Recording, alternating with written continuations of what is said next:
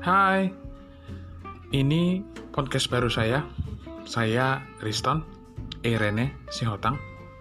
Podcast ini berisi renungan harian, pagi, dan malam hari.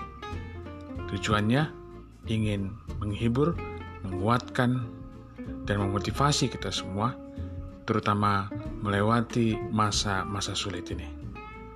Kiranya kita dapat melewati masa-masa sulit ini dan keluar menjadi pemenang.